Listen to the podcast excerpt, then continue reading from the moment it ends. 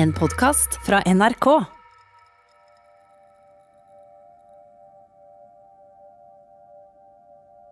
Men hva er dette infernoet?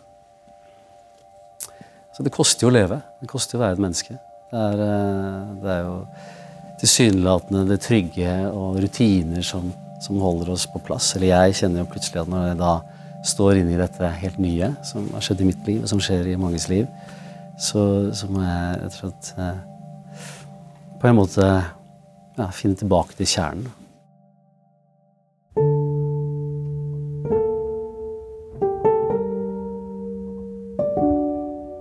Det er sånn Ari beskriver livet sitt hos Ole Torp på NRK i 2017.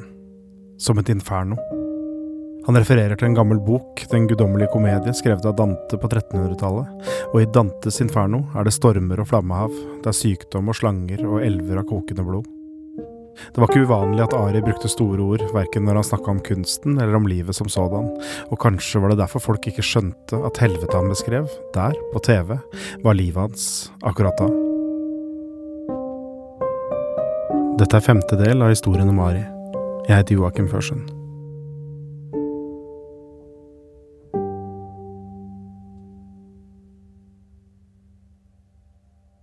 Vi venta på Fodora. Og så tror jeg vi hadde åpna en eh, flaske champagne. Og så var jeg sånn positiv innstilt på at nå, nå skal vi se det, Ari. Det her må du bare komme deg gjennom. Og bare, jeg orker ikke nå. Jo da, det går bra. Nå kommer, får vi mat, og så spiser vi, og så ser vi på det. Så trykka du på play? Trykka på play. Noen synes han er en jålebukk, men han hever seg tilsynelatende ubekymret over kritikk og fordommer, både som offentlig person og som kunstner. Søker han mot det ubehagelige i kunsten? Han er i hvert fall ikke redd for å utlevere egne følelser, heller ikke etter den meget offentlige skilsmissen. Hvordan var det å se det sammen med han, da? Jeg satt jo der og var stolt, men han var jo ikke det. Hvorfor ikke det? Nei, for han var alltid kritisk til hvordan han så ut, og uh, Burde jeg sagt det? Burde jeg, jeg burde sagt det sånn. Jeg burde ikke Jeg ser sliten ut. Innledningen din. Noen syns han er en jålebukk, men han hever seg over det. Eh, jeg kan vel si det sånn at det er vel ingenting jeg er mer lei av enn min egen person. Men du trekkes jo til det også, på en måte. Gjør du ikke det? Du, er jo, du liker jo rampelyset. Jeg gjør ikke det. Gjør du ikke? Nei. Men samtidig så er jeg helt trygg i det. det ikke sant? Så, så sammensatt er det for meg. Men inferno, er livet ditt et inferno nå? Altså, jeg er et inferno. Hva, hva er det Ari egentlig snakker om her? Jeg tror han refererer til eh, det å bryte opp og skille seg. Og måtte starte på nytt. Man har slått rot, man har laget et fundament i mange, mange år. Fått tre barn, vært innenfor et system. Og så blir man da bare røska opp og så satt et annet sted, og så skal du slå rot der, alene. Han er litt unnvikende på de eh, direkte spørsmålene. Mm. For han tør ikke helt å si For å være helt ærlig, jeg har det helt jævlig. For det var det han hadde? Ja. Man kan? Sånn som Torp sier også, så, så prøver han jo liksom å insinuere at, eh, at han overdriver hele tiden. Men eh, han gjorde jo ikke det. Det var beinhardt, liksom. Kom han noen gang over den, den, det sjokket eller den overgangen? Nei, jeg tror han aldri klarte å falle til ro. Eh, på noe som helst måte. At det var eh,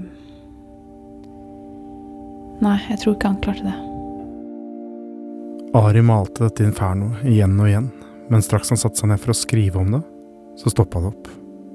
Ordene og setningene kom ikke til ham, sånn som før. Han skrev jo nesten ingenting. Eh, han skrev det første halvåret. Men, mens dere var sammen? Ja. Men etter det så skrev han ikke? Nei.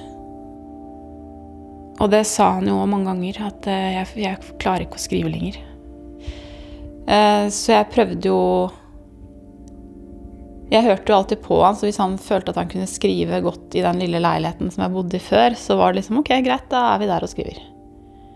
Eh, eller hvis han tenkte at han kunne skrive på fjellet, så ok, men da drar vi dit og prøver der. Og så ble det jo ikke noe. Ario hadde jo planlagt å ha skrivestue over eh, garasjen sin i Lommedalen.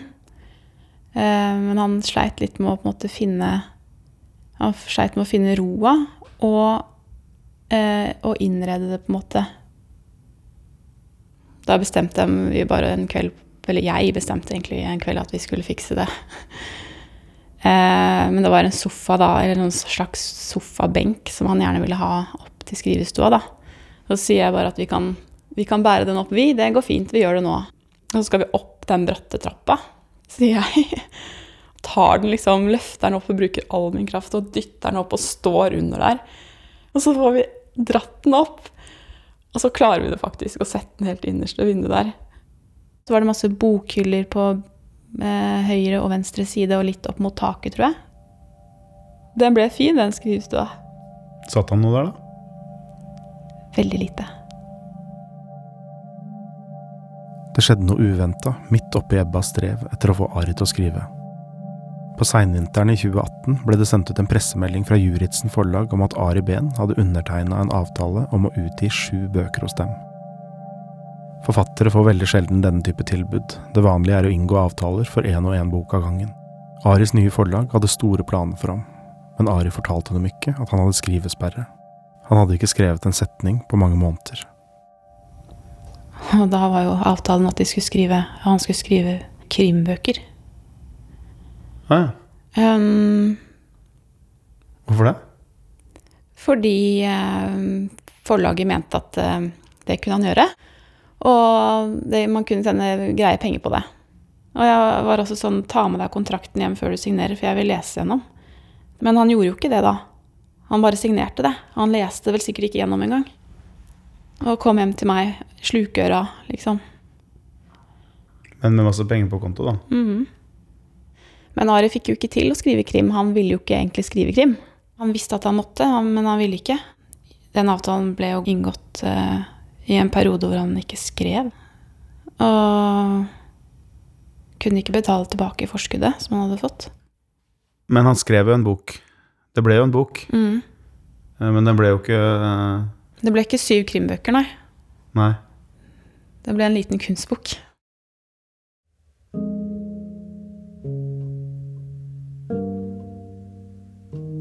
I begynnelsen av denne podkasten satt Ebba med en bok i fanget. En bok hun ikke turte å åpne fordi den handla om Ari og henne, og fordi Ari skrev om døden på hver eneste side, nesten.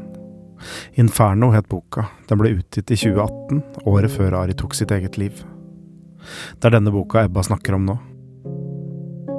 Siden vi begynte å snakke sammen, så har vi snakket om Siena. Um, og at vi måtte finne et sted utenfor Siena, helst i Siena, eh, men i hvert fall et sted som man kunne sitte og skrive.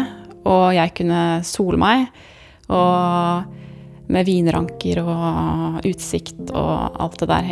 Ja. Og så fikk jeg ordna det. Det ligger oppe på en, en slags topp, og så ser du bare vinranken oppover. Og alt er på en måte med utsikt. Vi så jo byen Siena liksom i, den, i horisonten der. Og så fikk vi et nydelig hotellrom på toppen der, da. Med gressplen utover og en liten restaurant. Og um, basseng.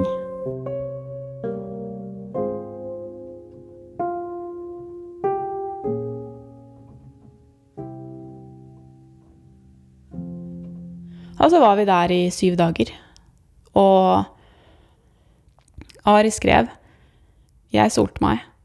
Det var jo mitt drømmescenario. Det var jo når jeg våkna av at Ari skrev. Fordi da hadde han stått opp tidlig og åpenbart da sovet ok. Stått opp tidlig og begynt å jobbe. Og så våkner jeg litt sånn døsig ikke sant, og hører at han Og da blir jeg bare sånn Da vil ikke jeg forstyrre han, eller Da ordner jeg meg selv, på en måte. Og så spiste vi frokost sammen, og så gikk han opp og skrev igjen. Og satt og skrev i timevis. Så da kom han tuslende ned i den derre Det var en grønn sånn eh, badeshorts som jeg hadde kjøpt. Og noen mokasiner i leopardskinn. Og en leopardskinnskjorte som var åpent ned til brystet. Og så eh, ville han at jeg skulle høre det han hadde skrevet. Da satt jeg i bikinien på sofaen eller på sengekanten og ville egentlig ut og sole meg igjen. og så så ok, men kan, ta, kan, vi ikke ta det etterpå? Nei, du må høre det nå. Og så leste han opp det han hadde skrevet. Og så tok vi et glass vin når solen begynte å bli litt svakere. Og så spiste vi middag. Og så leste han igjen eh, på kvelden. Opp igjen. Og så sovna vi, og så var det opp igjen dagen etterpå. Det var det samme. Det hørtes ut som et bra liv, det. Det var et veldig bra liv.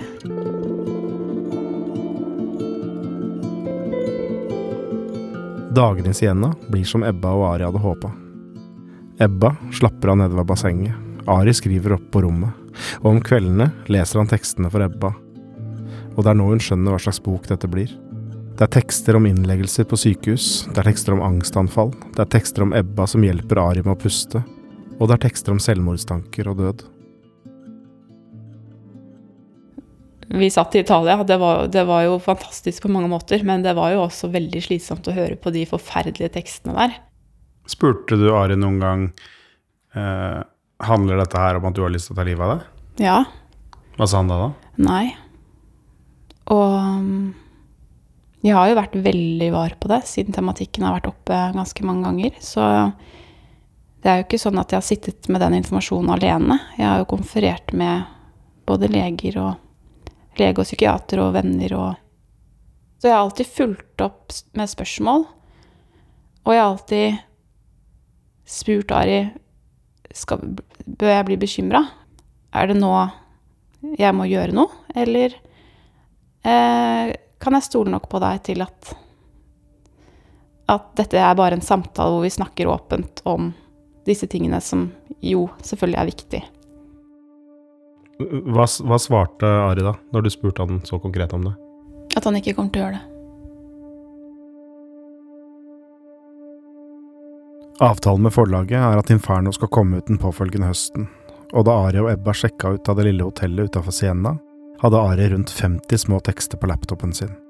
Boka skal komme til å bli omtalt som en roman, men tekstene er løsrevne og skisseprega, og ligner ikke romanene Ari hadde skrevet før. Det som jeg var opptatt av, var at Ari skulle være fornøyd med det selv før han ga det ut. Og det fikk jeg inntrykk av at han ikke var. Hvorfor det? Eh, han syntes ikke det var bra nok.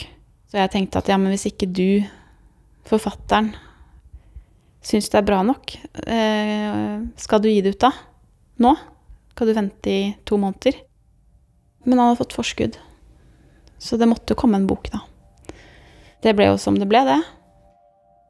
Skrev han ferdig hele boka der? På en uke? Mm. Ebba sier ikke at forlaget tvang Ari til å gi ut en bok han ikke var fornøyd med. Hun sier bare at Ari var en sånn fyr som sa ja til ting når han egentlig mente nei. Som leverte fra seg arbeid for ikke å skuffe andre, selv om han ikke var fornøyd sjøl.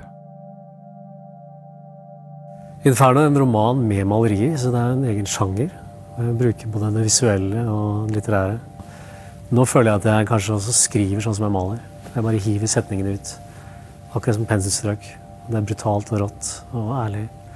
Men det er en bok som skildrer et kaos, et følelsesmessig mørke, en sårhet og en, en, opplevelse av å ikke finne seg selv i alt det mørke. Forhåpentligvis er det lys allikevel. Altså, jeg har jo opplevd veldig mye de siste to årene som jeg har skildret i bilder og i disse tekstene. Og det har jo forandret meg.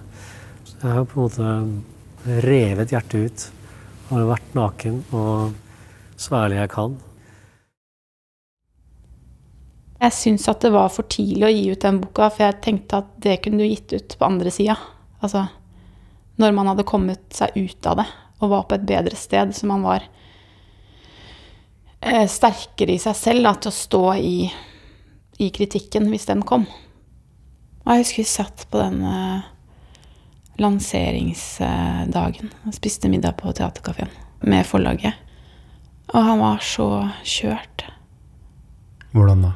Han var helt utslitt. Altså, han, han klarte jo nesten ikke å stå på beina sine. Spiste han? Så vidt. Jeg tror Ari holdt meg i hånda hele tiden. Under bordet? Under bordet. Eh, og jeg passet på han og, og liksom tok over hele samtalen, da. Så du konverserte liksom Ja, jeg, jeg bare kjørte på og lata som at ting var fint. Eh, og ikke sant, det var jo forrett, hovedrett og dessert, og det tok jo aldri slutt. Og så dro dere hjem? Mm. Og hvordan gikk det da? Nei, da fikk jeg han bare i seng. Og så holdt jeg rundt han veldig hardt. Sa at det går bra. Inferno fikk blanda kritikker da den kom ut. En firer, noen treere og en toer. Flere steder ble det påpekt at boka ikke virka ordentlig gjennomarbeida, og da bokhøsten skulle oppsummeres og priser skulle deles ut, var det ingen som nevnte Ari Behn. Hva gjorde den eh, responsen på utgivelsen med ham den høsten? Han gikk jo på en måte inn i en sånn slags nedbrutthet igjen. Det var da vi var i Larkollen. Eh, omtrent fra lille julaften og i to måneder. Hjemme hos foreldrene til Ari? Mm. Hvorfor det? Han var så dårlig. Han var helt Han var helt Helt utslitt. Men uh, hvorf- hvorfor hjalp det å bo i Larkollen hjemme hos uh, foreldrene? Fordi man kunne ikke, han kunne ikke være alene. For han hadde ikke fått i seg mat. Og jeg kunne ikke være alene med han, for da hadde ikke jeg fått i meg mat. Og Marianne Olav eh, eh, hadde helt sikkert fint klart alene, men Ari ville jo at jeg skulle være der. Ari skrev ingenting mens han bodde hos foreldrene sine i Larkollen. De første ukene lå han og Ebba for det meste på sofaen og så på Game of Thrones og dokumentarer om kjente kunstnere. Men utpå vinteren dro Ebba til Rygge storsenter og kjøpte maling og lerreter. Ari hadde blitt invitert til å stille ut kunsten sin i Los Angeles. Det gleda han seg til, og på gode dager, mens Ebba var på jobb i Oslo, malte han om formiddagene og gikk turer langs strendene med foreldrene sine om ettermiddagene. Han dro tilbake til Lommedalen av og til også, for å tilbringe noen dager med døtrene sine, og snart nærma det seg påske og avreiste til California. Kan du fortelle hva det eh, Los Angeles-prosjektet var? et veldig anerkjent galleri i LA ville utstille bildene hans. Han hadde jo fått mye oppmerksomhet for bildene her. Altså, kun, altså, han solgte jo som hakka møkk. Altså, det gikk jo kjempebra eh, på de utstillingene. Så jeg tror det var sånn gjennomgående nysgjerrighet på hvem han var som kunstner, da. Og menneske. Hva sa, hva sa han da han ble invitert til LA, da? Han syntes jo det var helt fantastisk og veldig gøy.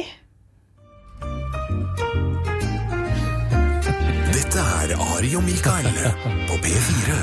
Og hør, bare hør nå, hør nå, hør nå. Du skal eh, stille ut eh, på et eh, kult galleri i LA, i eh, Ja, det er USA òg. Gabba Gallery er det beste galleriet i California, kåret av LA Weekly. Så det blir jo stort. Men Så- betyr det at vi kan den klassiske overskriften skal nå ta USA. Jeg håper Ja, ikke den kommer, men Jo da, jeg tar California i hvert fall. den kommer garantert nå. Nå. Oh, flate, det blir gøy, da. Det blir gøy. Men det bikka jo med en gang over til å lure på om han klarte det. Og sånn gikk jo de dagene og månedene før, den, før han dro, var jo bare pepping på at dette kommer til å gå bra. Og du klarer det. Du klarer det alltid. Og du er helt rå, liksom. Men han var ikke det da? Nei, han var mest bekymra for at han ikke hadde klippet håret og skjegget. Så sa jeg bare du ser helt rå ut. Det er bustete, det er svært, og du ser ut som en kunstner, og det er liksom Håret betyr ingenting. Bare ok. Ser ut som Ibsen. Gjør jeg det? Ja. Kom igjen, du klarer det.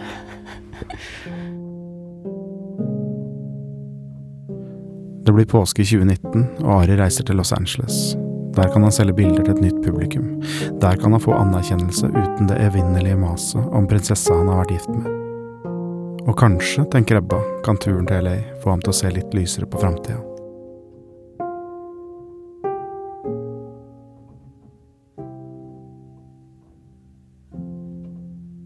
Du har hørt del fem av denne fortellinga, men før vi avslutter den helt, ønsker Ari Behns forlegger og redaktør av Inferno, Arve Juritzen, å kommentere innholdet i denne episoden.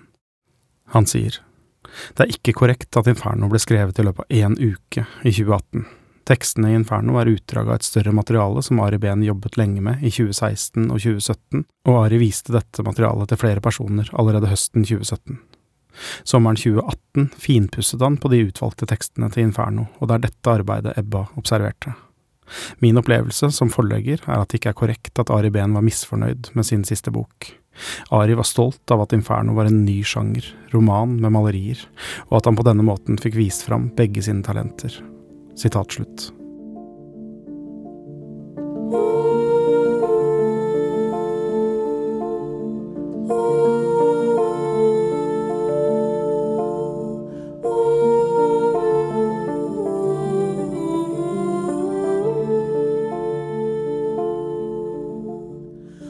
Dette var femte del av denne fortellinga om Mari. Den er produsert av Monster for NRK og er laga av Sigurd Øygarden Fleten, Kine Jeanette Solberg og meg, Joakim Førsund. All musikk er komponert og spilt av Ola Kvernberg, og stemmen på avslutningssporet tilhører Kirsti Huke. Eksekutiv produsent i Monster er Vibeke Rolland, og vår redaktør i NRK er Miriam Minyares.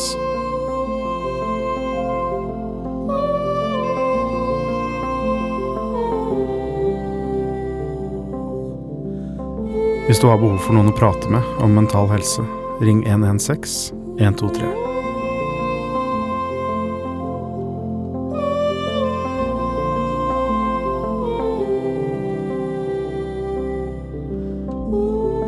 Du har hørt en podkast fra NRK.